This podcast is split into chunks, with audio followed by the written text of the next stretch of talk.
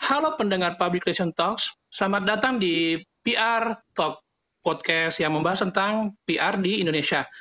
Nah, malam ini lumayan spesial nih. Uh, nggak, uh, aku nggak sendiri dan bakal mengajak salah seorang pembicara yang paling spesial pokoknya jadi dan ini udah mulai udah udah mulai mengerti tentang PR itu dari dulu banget dan banyak menjejaki dunia kepiaran dan dunia media. Kita sambut selamat datang Pak Asmono. Selamat datang yes. Bung Yuko. Siapa sih yang nggak kenal Pak Asmono ya?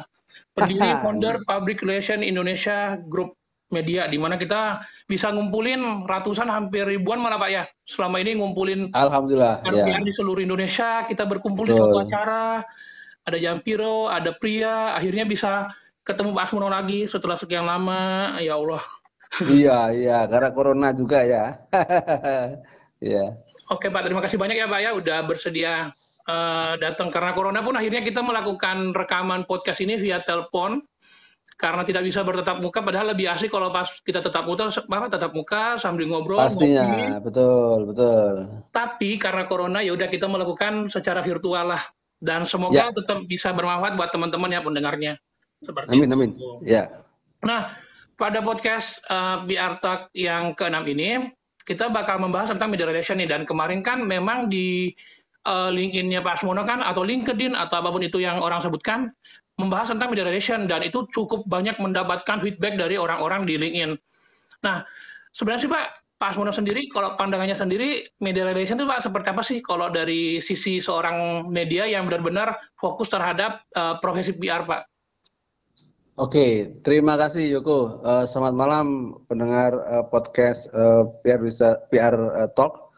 Uh, saya akan mulai dari uh, apa sesungguhnya itu media relation. Mm, benar. Dalam dalam praktik media relation hari ini itu masih menjadi domain yang sangat dominan di kalangan praktisi PR. Jadi beberapa survei, beberapa pengamatan yang saya lakukan bersama teman-teman di PR Indonesia misalnya, itu kerja-kerja PR uh, hari ini pun sampai hari ini ya sampai detik ini itu mostly hmm. di atas 50% bahkan sampai 67% itu masih menyasar kepada uh, area media relations. Hmm. Nah, nah pertanyaannya adalah mengapa di era yang sudah semakin digitalize, sudah banyak menggunakan sosial media, media relations dalam arti konteksnya berhubungan dengan media arus utama ya, media hmm, mainstream benar, ya baik itu televisi, surat kabar, media online pun, portal itu masih menjadi bagian dari media konvensional, nah arus utama dan juga saja uh, radio. Karena karena memang harus diakui bahwa uh, kultur uh, apa ya uh, dan habit di dalam berkomunikasi para praktisi PR itu masih banyak masih cenderung uh, apa memanfaatkan mereka untuk menyapa khalayaknya Kenapa? Karena media dianggap media dalam arti ini media konvensional, media arus utama, dianggap punya pengaruh yang luar biasa besar. Okay. Kenapa? Karena media ini mampu membangun opini publik. Karena media ini, media arus utama ini yang dimanfaatkan teman-teman praktisi PR untuk mengolah media relation, hmm. itu dikelola oleh sebuah tim yang terlatih Siapa mereka? Ya itulah jurnalis. Ya jurnalis-jurnalis itu pak ya nah, yang udah punya yang udah punya kemampuan yang nggak bisa diragukan lagi istilahnya. Satu itu, yang kedua karena media punya agenda setting. Mm -hmm. Nah agenda setting inilah yang kemudian sering dimanfaatkan oleh teman-teman media untuk melihat, untuk mengiringi program komunikasi atau PR mereka. Contoh, kalau media punya agenda setting tentang lingkungan hidup, ya kan, concern pada lingkungan hidup, tentu teman-teman uh, praktisi PR yang punya program lingkungan hidup kan akan relevan masuk. Benar. Ya, kalau ada ada ada media yang punya agenda setting atau punya pendekatan atau yang kuat tentang UKM misalnya, hmm. teman-teman praktisi PR yang ada di fintech, kemudian atau di lembaga-lembaga keuangan mikro, ya kan, pasti PR-nya akan senang masuk ke sana. Kenapa? Karena setidak-tidaknya itu akan meng, apa, mengakselerasi dari program komunikasi mereka. Nah, itulah mengapa media arus utama itu hari ini masih dianggap sebagai sebagai salah satu katalis utama program-program komunikasi atau public relation. Okay. Nah, yang lain, yang lain karena memang karena memang eh, apa struktur dari media arus utama itu kan jelas. Hmm, Pak. Nah, sehingga kalau terjadi miskomunikasi, dispute konten atau pemberitaan, kita minta akuntabilitas pertanggung jawabannya kan jelas kepada si A, si B, si ABC-nya. Oh, media A, Pemredaksinya ada Asmono misalnya redaksinya, alamannya di mana, Gedung Dewan Pers misalnya, di Jakarta Pusat dan seterusnya. Nomor teleponnya jelas bisa dicari. Nah, beda dengan media sosial yang kadang-kadang akunnya fake atau anonim. Kan gitu. Iya, nah, juga sih kecuali kecuali ketika teman-teman itu itu memanfaatkan media sosialnya korporasi masing-masing atau organisasi masing-masing. Itu kan soal. Tapi kembali pada ini tadi back to basic pada pada soal medialisme ya karena itulah yang terjadi sehingga sebenarnya tidak tidak tidak tidak tidak mudah juga berhubungan dengan media itu kalau teman-teman tidak memiliki uh, kecukupan apa kecukupan uh, skill. apa kecukupan skill kemampuan dan apa, kemudian tidak tidak mampu membangun engagement dengan media itu saya kira tidak akan cukup nah uh, saya menulis di, di LinkedIn misalnya eh, salah satu kemampuan PR itu yang mendasar ada satu punya karakter kuat, dua punya kompetensi memadai, yang ketiga punya jaringan luas. Nah, nah, konteks media relation itu itu yang ketiga tadi. Bagaimana kita membangun jaringannya luas itu kepada media itu menunjukkan bahwa memang untuk membangun, membangun hubungan hubungan media tadi butuh jaringan yang luas. Jadi tidak hanya kepada pemilik redaksinya saja kita harus kenal, tapi juga reporternya juga harus kenal, syukur-syukur syukur-syukur pemilihnya kita kenal. Nah, nah yang tiga layer itu kan, ya Pak, yang Pak Asmono Nah, ya, Pak, ya? tiga tadi betul di link ini itu. Ini kan tidak mudah. Ini kan tidak mudah. Nah, karena itu maka butuh effort. Effortnya apa? Ya tentu saja satu ada kompetensi skillnya tadi, ya kan. Yang kedua ya tentu tadi ada kemau ada kegigihan. Jadi bayangkan kalau kita harus, harus punya target bertemu dengan redaktor atau pemerintahnya sebuah sebuah koran besar atau sebuah televisi besar, stasiun besarnya itu kan nggak mudah. Nah, tapi kalau kita punya kegigihan yang tadi punya effort yang kuat, apalagi kita sudah punya kompetensi yang cukup secara kapasitas PR, saya kira itu akan menjadi sebuah opportunity yang tidak akan tidak akan apa tidak akan sulit. Nah, jadi mengapa sekarang praktek media relation di Indonesia masih sangat dominan? Karena tadi nomor satu karena media arus utama itu punya influence, punya pengaruh yang luar biasa besar. Ibaratnya nih, ibaratnya ya, mm -hmm. eh, maaf maaf nih, eh, pengaruh dari media arus utama itu bisa mohon maaf nih bisa menghitam atau putihkan sebuah eh, seseorang atau sebuah organisasi atau sebuah peristiwa. Benar banget. Nah, tapi tapi dalam konotasi yang positif ya, kalau iya, yang negatif benar. ya bukan yang negatif ya. Nah, saya kira itu Yoko untuk sementara jawaban saya. Nah, cuma gini, eh, tadi kan Bapak kan udah jelasin kan ya kayak tentang konvensional dan digital, di mana media-media dulu tuh emang bentuknya tuh masih konvensional dan sekarang kan udah mulai banyak yang memasuki digital apa digitalisasi. Nah Pak, dari pandangan sendiri sih Pak, pernah nggak sih melihat kalau dulu tuh para para PR tuh pendekatan media desainnya seperti apa sih Pak? Kalau kalau sekarang kan udah mulai berubah tuh banyak yang berubah. Kalau dulu kan bahkan saya pun sebagai PR yang misalnya masih baru lah istilahnya masih menggunakan uh, sistem konvensional jadi benar-benar datang kunjungan dan lain-lain. Nah kalau dari pandangan Bapak sendiri melihat uh, situasi media desain sekarang tuh Pak seperti apa? Yang dari uh, zaman dulu dibanding zaman sekarang? Oke, uh, pada prinsipnya sebenarnya saya juga tulis di LinkedIn kan mengatakan gini, media reason itu tidak semata-mata hanya hubungan mekanistik hmm. antara antara PR dengan si jurnalis atau media, tetapi jauh dari tapi lebih dari itu adalah hubungan humanitarian, hubungan kemanusiaan. Nah, mau zaman dulu atau hari ini atau ke depan menurut saya, sepanjang media arus utama itu masih terbit, masih ada di Republik ini di, di dunia ini, maka komunikasi yang paling paling paling tepat dengan jurnalis dan media adalah dengan komunikasi yang empatik. Dengan apa? Oh. Dengan dengan menyentuh menyentuh pendekatan humanitariannya. Jadi okay. kalau itu yang terjadi bukan semata-mata karena butuh. Anda mau bikin press conference, telepon. Hmm Eh, lu mau bikin press conference baru telepon. Eh, ke mana selama ini? Ada juga nah, kan hilang, ya. kan gitu kan? Ba baru, kan? nyapa, baru nyapa pas, iya. baru, nyapa pas mau conference.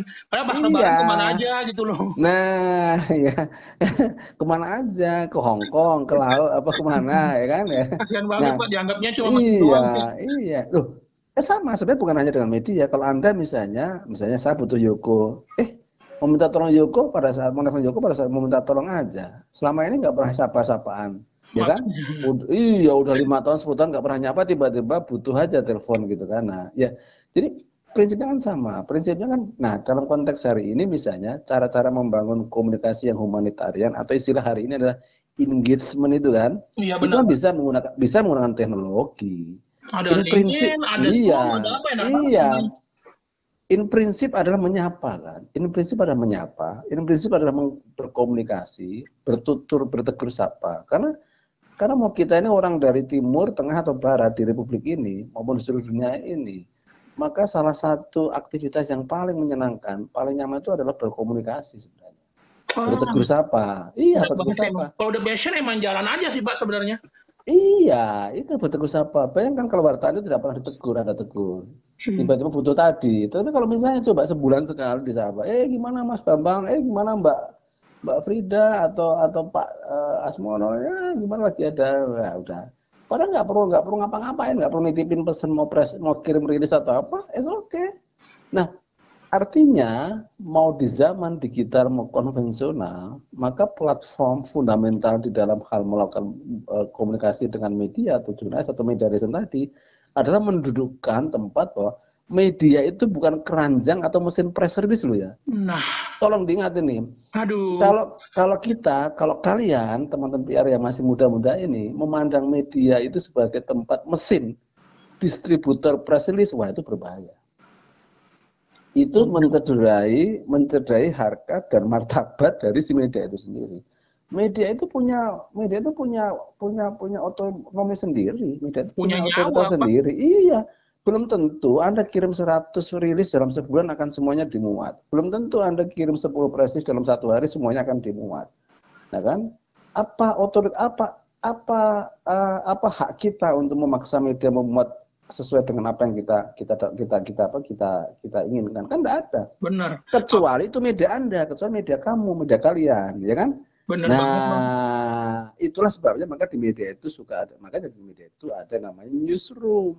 Nah. di newsroom inilah teman-teman eh, sekalian kawan-kawan eh, PR yang saya saya muliakan ya, itu semua input dari korporasi atau dari organisasi berupa press release tadi itu diolah dan dikelola oleh tim newsroom ini.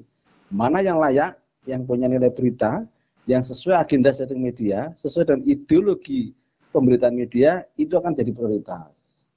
Nah, pertanyaannya kemudian, nah gimana kalau misalnya, apakah mungkin kita melakukan appeal kepada media? Bisa saja appeal itu terjadi.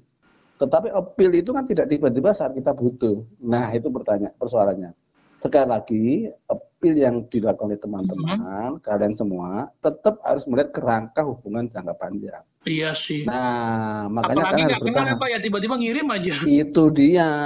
Eh lu siapa kirim-kirim press release minta suruh muat besok hari ini. Eh, mah dari mana lu kan gitu kira-kira.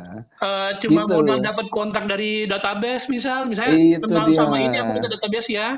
Dikasih tiba-tiba hubungi sama datang. Ini kami mau yeah. ini tiba-tiba ngirim. Iya. Bahaya banget sih, iya. Nah, tadi Yoko kan bilang, apakah harus kita datang? Oke, okay, sometimes, ya kan? Hmm. Kalian juga harus datang. Kenapa? Bagaimana juga pertemuan tatap muka itu jauh berlipat ganda pentingnya ketimbang hanya sekedar telepon. Iya sih, Nah, tetapi, tetapi apa misalnya apa, dalam waktu katakanlah satu tahun ya kan nggak perlu harus datang tiap bulan dong. Benar. Tetapi paling tidak maintain relationship-nya itu dijaga dengan dengan WA WA-an, kemudian DM DM-an atau kadang-kadang mengirim email, kasih kritik, apa kabar. Dengar-dengar Anda eh, sudah eh, mau nikah nih, eh malah udah nikah kemarin, selamat ya Mas, selamat hmm. Mbak, atau punya momongan baru. Eh apa atau anniversary pernikahannya kalau tahu. Atau pindah nah, kantor kira, misal pak ya? Nah pindah kantor. Eh kok pindah kantor mas? Kenapa kita enak-enak situ? Nggak apa-apa. Kita di sini ketemu terus lagi ya. Itu ini kan ini kan manusiawi. Manusiawi. Dan ingat wartawan itu kan manusia. Wartawan bukan iya. robot Bukan, iya, emang media. Bukan, bukan mesin sih Pak ya. Aduh. Betul. Media itu bukan mesin. Media itu bukan mesin. Media di dalamnya ada namanya kumpulan manusia-manusia yang itu mengolah namanya newsroom. Dari newsroom inilah semua input dari kalian akan digodok dan kalau kalian bisa memenangkan hati hati hati dari dari dari newsroom ini maka kalian akan dapat tempat. Nah, oleh karena itu butuh komunikasi yang sangat sangat sangat apa sangat berkelanjutan, yang sangat intensif supaya wartawan juga paham Anda maunya apa. Itulah sebabnya maka dalam konteks relasi media namanya dengan media pitch hmm. ngasih background, ngasih memberi sounding tentang sebuah peristiwa sebelum kalian kirim rilis, sebelum bikin press conference itu very very important, penting. Dan kadang Bisa gini, sama biar-biar. Iya, betul. Apa itu coronavirus disease? Apa itu SARS nanti? Nah, apa itu MERS segala macam. Tiba-tiba bikin rilis saja jelasin itu, nggak pernah ngomong dulu, kasih background dulu. Eh sebenarnya gini loh corona ini sebenarnya ini berbahaya betul memang. Tetapi, nah itu kan namanya namanya background. Enak ya, kan? nah, langsung kan masuk kan enak. jadi nggak ada, Sa nggak ada. Satu itu yang yang kedua wartawan juga nggak salah nulis. Nah ini dia. Begitu kan hanya kirim rilis kemudian salah nulis wartawan kan ngamuk-ngamuk. Eh telepon, Mas kenapa sih lu, lu penulisnya salah? Eh lu gimana sih? Lu yang, yang lu tulis kan begini. Ternyata kita sendiri yang salah. Ternyata tulisan kita yang salah. Kan repot kita. Sudah kita marah-marah ternyata dirilis kita vaksinnya salah. Kan repot kita kan? Benar. Ya gitu kira-kira teman-teman. Mantep banget sih memang jadi emang pendekatan tuh pendekatan tuh emang apa namanya emang harus benar-benar ditata juga sih sebagai seorang biar jadi nggak serta merta langsung aja gitu loh betul nah, betul betul terus pak dari sekian banyak yang bapak yang bapak alami atau mungkin bapak melihat lah sebenarnya tuh kesalahan-kesalahan kecil yang harus diperlihat apa yang harus diperbaiki itu selain dari mungkin grading dan lain-lain kayak harus gimana-gimana. Nah, itu Pak sebenarnya tuh kesalahan yang harus diperbaiki oleh seorang PR itu Pak apa sih Pak? Sebagai seorang PR mungkin yang udah lewat, yang udah tua atau mungkin yang muda-muda yang kira-kira akan memasuki tahap selanjutnya di dunia PR, Pak. Oke, yang pertama ada gini, bersikaplah selalu santun dan empatik pada pada semua wartawan. Itu dulu.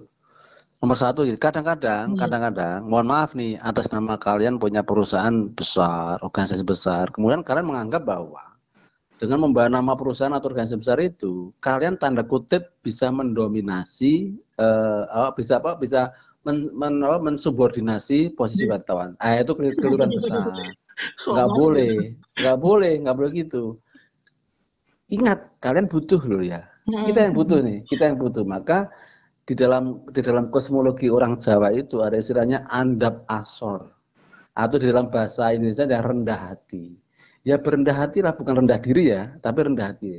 Berendah hatilah. Berendah hati itu tidak tidak kita kita kita meminta-minta tidak, tetapi kita menempatkan pada konteks yang profesional bahwa ini kita akan ada engagement nih.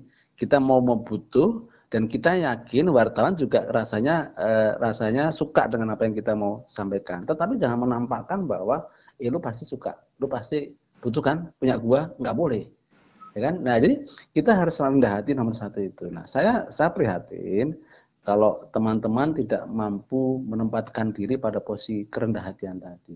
Karena gimana gimana gimana gimana pun berkomunikasi dengan siapa pun, maka kita akan mendapat respect yang besar kalau kita rendah hati. Berbeda dengan kita ya, datang tadi. Songong, songong karena usaha dari ya. BUMN kelas besar, A yang gimana besar, gitu. ya kan? Iya, Aduh. iya. Nah, kan kita juga bilang gini, kan kalau Anda Anda songong, misalnya Anda sombong, saya juga bilang gini, eh emang lu pasang iklan di tempat gua berapa miliar? Kok lu sesombong itu? Kan gitu kita. Ya kan? Iya. Lu nggak pernah pasang iklan jangankan bermiliar-miliaran, 100 juta pun juga kagak, lu sudah seenak se, se, se, se, se, se, sesuka-sukanya mau mau mau minta kita ini itu ini itu kan tidak bisa. Jadi yang kedua adalah jangan menuntut. Jangan menuntut pada pada media atau pada tentu berlebihan. Ya ini banget ya, Pak. Ini, ini Pak yang jadi kesalahan paling paling paling sering sih Pak ya. menuntut biasanya, Mas tolong besok dimuat. Eh, lu siapa dulu? Emang lu pemilik media saya? Ah, kan gitu kan. Baru nah, ngadain konferensi hari, baru ngadain konferensi siang, sorenya udah nyanyi, udah nyanyi, nyanyi, nyanyi siang-siang udah iya. nyanyi. Iya. uh, uh, iya, ya maka nomor dua jangan menuntut, ya kan? Bahkan nggak bisa di, di desa itu nggak bisa. Emangnya bahkan nggak punya deadline. Bayangkan media di, bayangkan wartawan uh, online, media online misalnya, itu dia bisa lima enam kali target berita sehari, ya kan? Itu bukan press release tuh, hanya tar itu target nyari berita ya, misalnya entah ngepost di kementerian mana, lalu ke korporasi mana, ada ini itu. Nah, mungkin salah satunya termasuk anda di press conference anda misalnya. Tetapi bayangkan lima itu kan dia pusing juga. Harus harus waktu. iya iya. Dosanya nggak boleh salah. Nanti kalau salah di mana redaktur di, di apa di sana dikeramas sama pemret kan gitu kan. Kamu salah tak keramas dulu sini. Tak keramas sampo yang paling pedes samponya kan gitu kan. Ya kan? Nah oh itu terjadi terjadi zaman saya jadi reporter dulu saya biasa di saya kalau salah di depan saya pemret itu gebrak meja saya bahkan melempar kerjaan saya disobek-sobek apa tulisan saya terjadi zaman saya itu terjadi tahun 2000-an awal terjadi itu. dan orang-orang masih nah. nuntut nah, orang-orang biar masih nuntut ya pak ya iya iya Aduh. jadi empati itu penting pada pada wartawan wartawan itu kayak kayak anda misalnya kan anda membayangkan diri anda sebagai wartawan satu dia dia punya atasan yang menuntut dirinya untuk perfect untuk performanya bagus mm -hmm. ya kan mm-hmm. Ya, sementara dia juga berkejaran dengan dengan target-target KPI yang dia yang dia miliki gitu kan. Benar-benar. Nah, jadi cara yang terbaik adalah nomor tiga adalah Anda harus bantu, Anda harus kasih solusi pada media kalau Anda mau tanda kutip mau meminta lebih pada media. Apa nah, solusi itu? Ini dia. Nah, solusinya tadi itu, ya kan, kasih mereka itu values. Valuesnya apa? Background informasi yang relevan. Kasih mereka asupan-asupan edukasi. Oleh karena itu nomor empat, saya kira ini bukan kesalahan tapi lebih pada solution ya. Ajak teman-teman itu untuk sering ngobrol tentang isu-isu yang ke depan akan berkembang. Contoh misalnya gini, tren. Sebenarnya ini masa kata soal ekonomi misalnya, ada misalnya Bu Sri Mulyani mengatakan gini Menteri Keuangan kita, kita kayaknya forecasting kita di akhir tahun kita akan minus 0,4 persen deh pertumbuhan kita ekonomi kita. Nah, nah Uh, kalau kita ingin mengajak wartawan untuk oh, untuk me, apa untuk uh, untuk lebih lebih apa uh, lebih lebih mengeksplor itu kan kita kasih background. Kenapa yang terjadi? Nah nah jadi ketika satu selain selain, selain mengurangi kemungkinan kesalahan menulis hmm. wartawan makin pinter. Kalau wartawan makin pinter dan menyebut nama perusahaan kita benar kan citra dan reputasi kita juga akan naik. Enak muncul terus di media ya, ya. ya kan? Iya muncul terus di media. Ini kok misalnya perusahaannya Yoko, perusahaan X gitu kan, Benar. Kamu terus di media, ini kok, wah ini kan berarti kan nanti pemegang saham juga akan lihat, wah ini berhasil nih berarti perusahaanku. Otomatis dia misalnya pemegang saham, nambah sahamnya lagi, ya kan? Hmm. Atau kalau itu perusahaan TBK nanti pemegang saham juga akan beli lagi apa, uh, apa saham baru kalau kita ketika kemudian ada penjualan saham baru dan seterusnya dan seterusnya. Nah, jadi itu uh, saya kira nomor satu sekali lagi kesalahan elementernya adalah dan jangan anda lakukan adalah anda bersikap uh, apa bersikap uh, uh, apa bersikap tadi apa tinggi hati. Hmm. anda harus rendah hati. Yang kedua jangan menuntut tetapi lebih lebih helping others kepada wartawan itu. Bantulah wartawan itu. Dengan apa? Dengan kasih tadi kasih masukan masukan informasi itu. Yang ketiga adalah kasih solusi. Yang keempat adalah kasih ya yang keempat kasih edukasi. Nah saya kira saya kira itu yang lain-lain sebenarnya relatif itu bisa diselesaikan. Padahal enak Apa banget misalnya, Pak, misalnya Ramadan kemarin, kalau misalnya nggak corona kan kita bisa buka bersama di mana gitu kan, nggak perlu ada istilahnya, nggak perlu ada namanya harus uh, ngomongin tentang berita, nggak perlu ngomongin tentang perusahaan. Persis. As, uh, friend aja buat makan barang, makanya enak banget sebenarnya tuh. Persis, persis, persis, persis. Jadi begini aja sebenarnya dengan makan selisih dari rumah masing-masing juga bisa sebenarnya. Sambil menyapa juga bisa kan. Emang emang harusnya nyantai banget sih emang. Benar. Ya kayak gini kan kayak gini kan nyantai. Jadi nggak usah memaksakan diri bahwa kita harus selalu punya target untuk kalau kita ketemu wartawan harus kita harus kirim harus kasih berita atau kasih enggak usah. Ya kan? Di dalam di dalam di dalam perjalanan kita di dalam perjalanan kita me, apa ya me, menggauli atau atau berhubungan sebagai seorang biar mbak istilahnya. Betul berhubungan dengan media dan wartawan itu maka ada saatnya tidak semuanya itu berupa uh, pekerjaan yang harus kita bawa kepada jurnalis. Nah bahkan anda perlu juga uh, teman-teman ini ya perlu mengajak uh, teman-teman wartawan itu ngobrol yang sesuatu yang lebih ke passion mereka personal misalnya. Kalau mereka suka film aja lah ngobrol tentang film. Mereka suka musik kan masih kenapa tidak? Atau bahkan kalau mereka suka olahraga, sekali-sekali main sosial bareng-bareng, ya kan? Nggak usah, nggak usah, nggak usah ada beban. Sekali-sekali nonton rame-rame dengan beberapa wartawan kan udah terus ngapain kita ya udah nonton aja terus lu nggak kasih gua berita enggak terus mengajakkan nonton gitu nonton gitu ya iya nah tapi setelah itu apa sih uh, what will happen apa after that itu akan nanti kira-kira oh iya Pak Yoko ngasih ngajak nonton. Ingat akhirnya kan. Keren banget. Nanti akan inget terus. Jadi besok, besok misalnya nggak usah kirim berita mereka akan nanya, eh Yoko, lu nggak ada berita buat kita? Kan gitu jadinya. Nah, enak kan? Enak banget. Enak kan kalau, kalau gitu. Jadi tanpa kalian butuh pun media lagi langsung mendekat. Atau kalau misalnya ada sesuatu yang kira-kira salah, ya kan, muncul ada isu misalnya di permukaan di sosial media atau mana, sebelum muncul di media utama, orang itu kan nelfon dia kok, kok ini gua dapat isu gini-gini, lu bener nggak sih perusahaan lu gini-gini? Nah, antar dulu. Nah, dan thank mereka you, nyari key personnya iya. langsung kan Pak ya, bukan persis, nyari dari video bukan nyari info dari lain-lain. Nah, apalagi kalau misalnya di, nah, tak, oleh karena itu kalau ketika dihubungi wartawan jangan menghindar. Wartawan itu menghubungi itu satu antara untuk konfirmasi, bukan untuk mengadu domba atau apa untuk apa enggak, ya kan? Mindset nah, juga sih, Pak. Ya, ya oleh karena itu ada nih kan, ada nih. Mohon maaf nih, ada teman PR nih yang yang senior, yang mungkin juga junior juga ada nih kalau dihubungi wartawan itu suka takut kemudian lari. Lu keliru. Bukannya Anda mau membangun media relation dengan jurnalis, kenapa Anda harus takut? Eh, udah, tolong temen yang lainnya ngajak temennya apa suruh nemuin suruh kak karena bahkan gimana caranya suruh suruh kalau perlu suruh pulang aja nih. Bahkan kan keliru besar. Eh, iya. Malah nggak usah. Nah, nanti kalau kalian butuh wartawan terus gimana dong? Wah, berantakan, ambiar nanti jadinya. gitu kira-kira. Gila sih emang banyak banget sih Pak emang yang apa banyak banget sih kekeliruan dan uh, yang yang harus diharapkan oleh seorang biar Pak. Nah kalau kira-kira nih Pak Betul. di zaman sekarang kan ya apalagi mungkin hmm. uh, kita terlepas dari new normal dan soalnya udah mulai hmm. lumayan enak juga ya dengarnya Nah, nah kalau dari media hmm. sendiri Pak mungkin kalau dari sisi uh, PR Indonesia ya melihat yang sebagai media yang benar-benar fokus ke PR dan uh, sekulumitnya Pak. Sebenarnya yang diharapkan hmm. dari seorang PR itu apa Pak selain yang tadi? yang diharapkan mungkin ke depannya mungkin kolaborasi kah atau apakah yang kira-kira tuh yang bisa gitu loh ya Pak, yang bisa tercetus ide ide-ide menarik untuk seorang orang seorang PR tuh terhadap media gitu loh Pak.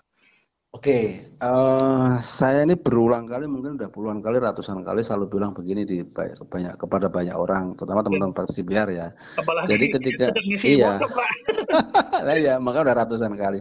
Enggak, tapi yang yang paling enggak dua tiga tahun terakhir ini saya bilang begini. Hari ini di zaman apa pun ya kita mau mode zaman apa zaman eh, zaman post truth post post post post truth post post post truth lagi dan segala macam maka ketika kita berkomunikasi itu nomor satu adalah bahwa kita harus menjaga betul bahwa apa yang kita komunikasikan itu relevan. Hmm, relevan. okay, relevan. Relevan. Jadi kalau kita bisa relevan itu anda kalian karungi mengarungi zaman apa pun teman-teman PR ini mengarungi zaman apa pun lintasan generasi apa pun lintasan zaman apa pun kita akan enak. Nah, cuma persoalannya untuk to be relevant itu kan nggak mudah karena harus membaca. Membaca apa? Nah itu namanya konteks. Hmm. nah konteks dari dari katakanlah kita bicara soal soal penyampaian pesan misalnya. Nah kita lihat dulu pesannya relevan nggak sih kepada target audiens ya kan? Ya, benar. nah yang yang kedua kalau kita omongkan sekarang itu kira-kira momentumnya tepat nggak? Nah kadang-kadang kan kita tuh suka nggak sabar banyak kasus-kasus pesan komunikasi itu sebenarnya kontennya bagus, tapi momentumnya nggak tepat. Nah, alih-alih alih-alih mendapatkan hasil yang optimal, justru malah memberikan kita blunder yang cukup besar. Nah, yang berikutnya adalah bicara saja seperlunya.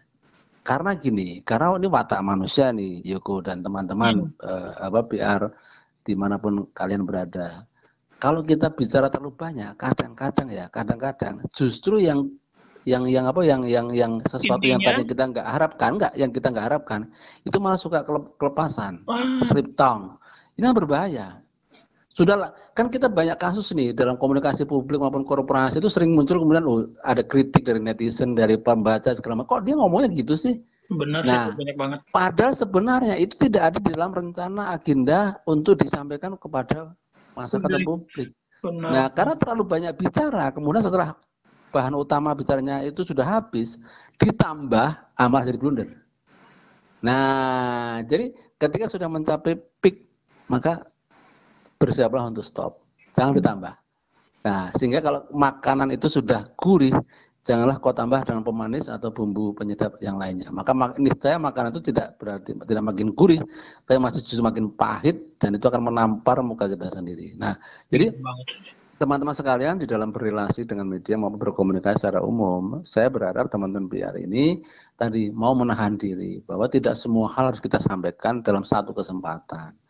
Ini problem, ini challenge karena mengelola emosi itu tidak mudah sehingga kalau saya saya boleh menyitir satu pendapatnya Ketua Dewan Pers Prof Muhammad Nuh suatu ketika di Bali tahun lalu dalam Jambir PR Indonesia di hmm. Denpasar di Bali, beliau mengatakan seorang PR itu harus punya tiga C, cool, calm, confidence. Nah, hmm. jadi dalam situasi apa pun kita harus cool. Kita ada krisis ya, kita harus tetap cool.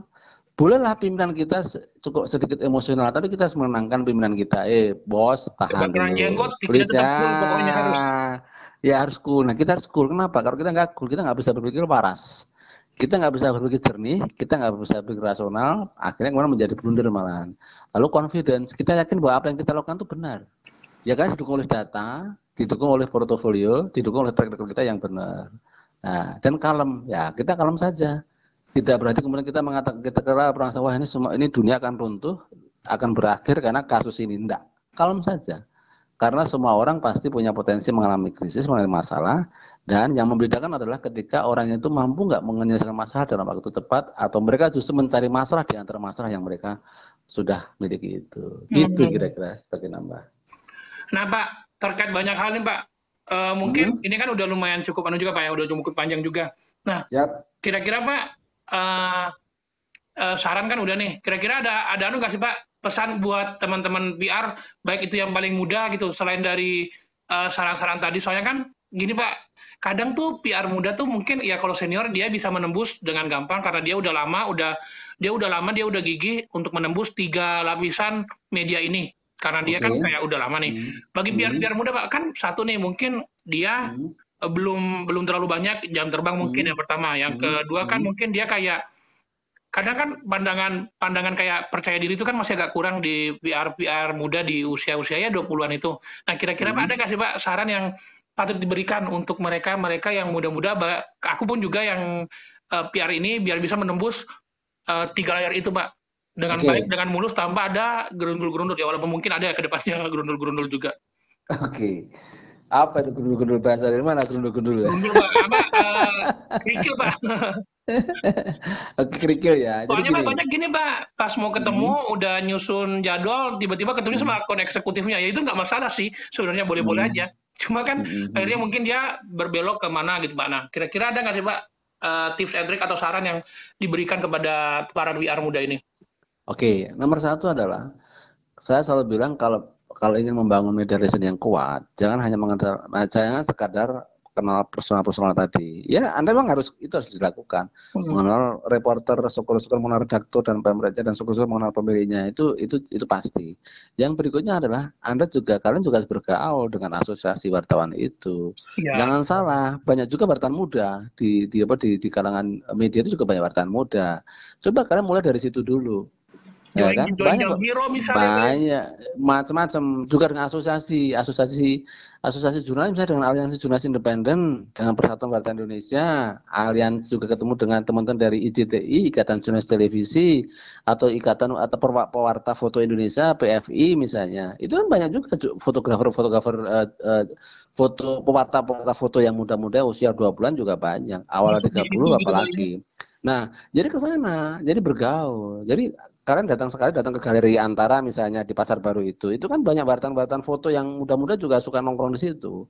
Mengenali mereka tidak secara informal itu membantu sekali untuk masuk, untuk mendapatkan mendapatkan apa uh, uh, membangun feeling uh, feeling uh, yang baik, uh, good feeling dengan mereka dengan jurnalis gitu. Hmm. Nah, kalau ada acara aji misalnya sejelas independen itu juga banyak wartawan muda di aji itu. PWI juga banyak wartawan muda ya kan datanglah ke sana ICT juga gitu juga sehingga sehingga kalian tidak hanya mendatangi wartawan ketika kalian membawa misi khusus tentang organisasi atau perusahaan kalian. Tetapi kalian datang di acara-acara mereka itu adalah kalian memberikan dukungan, itu bentuk dukungan dan kalian bisa bergaul, bisa berkenalan dan steppingnya kan jelas. Udah pastilah kita nggak tiba-tiba semuanya ini langsung tiba-tiba langsung ketemu pemilihnya atau ya, pemretnya tanpa kita ada tanpa bahasa lah ya. Ya, tanpa bahasa basi bahasa basi. Tapi percayalah someday satu ketika nanti itu level itu kan akan dapatkan. Hmm, Bayangkan betapa nikmatnya kita melalui stepping itu dengan secara berjenjang. Ketimbang tiba-tiba sekali ketemu langsung orang yang besarnya terus setelah itu kita dilupakan. Kan sakit jadinya. Oh, ya kan? Nah, kenapa dilupakan? Loh, cuma begini. Nanti reporter sama redaktornya akan akan gini, eh lu Yoko, lu kenal deh memang sama pemerintah gua, tapi jangan sampai lu bawa berita ke kita, gua tulis. Gimana kan di embargo jadinya ya kan? Sih, bener karena kita karena kita nggak mau menggauli, nggak mau nggak mau membangun hubungan dengan teman-teman yang dari uh, bawah yang di level atas, ya. cuma atas doang akhirnya. Betul dia, dia nah, memperoleh yang... memperoleh apa memperoleh bagian penutup tapi pondasinya malah kurang. Nah, jadi tiba-tiba dia terbang ke terbang kan, terbang ke atas ke ke, ke gentengnya. Hmm. Nah, gentengnya ini tiba-tiba tiba gentengnya itu apa uh, dia nggak tahu ternyata ada lumut di gentengnya itu kemudian dia licin terpleset kan. Akhirnya nah terpleset. nah kemudian oleh fondasinya fondasinya ini para batan bilang syukurin lo lo sok nggak kenal sama gua ah kan gitu kan nggak enak banget kan iya. nah jadi jadi teman-teman, jadi teman-teman tadi tiga C dari Prof Nuh tadi itu dipegang, lalu kemudian apa yang saya sampaikan tadi juga jadi jadi jadi pegangan. Lalu teman-teman nggak usah ragu untuk masuk, yakinlah bahwa kalian ini eh, apa punya sesuatu. Nah, ngobrol dengan sesama wartawan muda itulah itu akan menunjukkan bahwa kalian punya sesuatu, nanti akan lebih nyaman masuk dan setelah itu pastilah pelan-pelan tapi tapi pasti teman-teman wartawan muda yang jadi partner kita, jadi relasi kita itu akan membawa kita ke atas. Hmm, usaha itu akan hasil ya? Iya, ntar gua kenalin deh sama redaktur ekonomi gua, sama redaktur politik gua, redaktur olahraga gua, redaktur fashion gua. Kalau perlu lu nanti sama sama bos-bos lu gua antar deh ke Pemret. Kan enak mana? Uh, akhirnya terbuka iya, aja. Nah, nah, nah, nah, nah, gitu. Jadi tidak ada sesuatu yang akan jangka panjang itu dimulai dari hal yang instan. Ya, persis sekali Yoko. Usaha, Menutup usaha juga. Udah banyak banget sih Pak ini, banyak banget ya. yang yang harus ya. yang harus dilakukan, yang harus dipelajari dan banyak banget yang udah didapatkan dari Pak Asmono dan hmm. waktunya juga udah cukup panjang sih Pak, udah 30 menitan lebih ya. dan semua ilmu-ilmu yang udah diomongin Pak Asmono bakal insya Allah bakal berguna banget sih Pak bagi bagi pendengar Pak apa uh, podcast PR Talk dan hmm. aku juga makasih banget kepada Pak Asmono malam ini Pak uh, di Sama-sama, di podcast PR Talk edisi 6 ini mau diajak ngobrol bareng dan benar-benar materinya padat jelas dari A sampai Z yang harus dilakukan hmm. apa, yang nggak boleh dilakukan apa, akhirnya bisa yes. memberikan poin penting untuk seorang PR, Pak. Gitu, Amin. Mudah-mudahan bermanfaat. Ya. Benar, Pak. Uh, dan sepertinya cukup kali ya untuk podcast Uh, soalnya nanti kalau kalau udah penuh nanti kita nggak bakal ada materi lagi pak untuk ke depannya. semoga ada episode selanjutnya okay. dengan Mas Muno lagi dan semoga Siap. corona cepat berlalu dan kita bisa ketemu langsung ya Amin. pak ya. Amin. Ya. Terima kasih. Mudah-mudahan ber, ber, ber, ber, bermanfaat bagi teman-teman PR Talk yang dipandu oleh Bung Yuko. Mudah-mudahan kalian ke depan semakin sukses teman-teman. Ya. Amin. Dari 2015 ketemu Pak Asmono di Jampiro di Madura Jampiro itu masih media sama PR akhirnya 2016 ikut lagi akhirnya sekarang 16, berlanjut ya. berlanjut udah empat tahunan pak lumayan lima ya. tahunan pak betul mungkin okay. pak seperti itu pak dari ya. konten malam ini dan uh, bagi para pendengar semoga bermanfaat bisa didengar pas mungkin lagi yang udah mulai masuk kantor bisa dengar pas lagi jalan mungkin ke kantor atau yang di kereta dari daripada ngobrol mending dengar podcast aja lebih bermanfaat untuk mencegah Betul. juga penularan penularannya dan semoga sehat selalu. Stay safe teman-teman dan selamat ya. sampai berjumpa di podcast Biar Talk selanjutnya. Bye bye, mari Mas Mono. Selamat bye bye, sampai ketemu lagi Yoko. Iya, Terima kasih. Ya.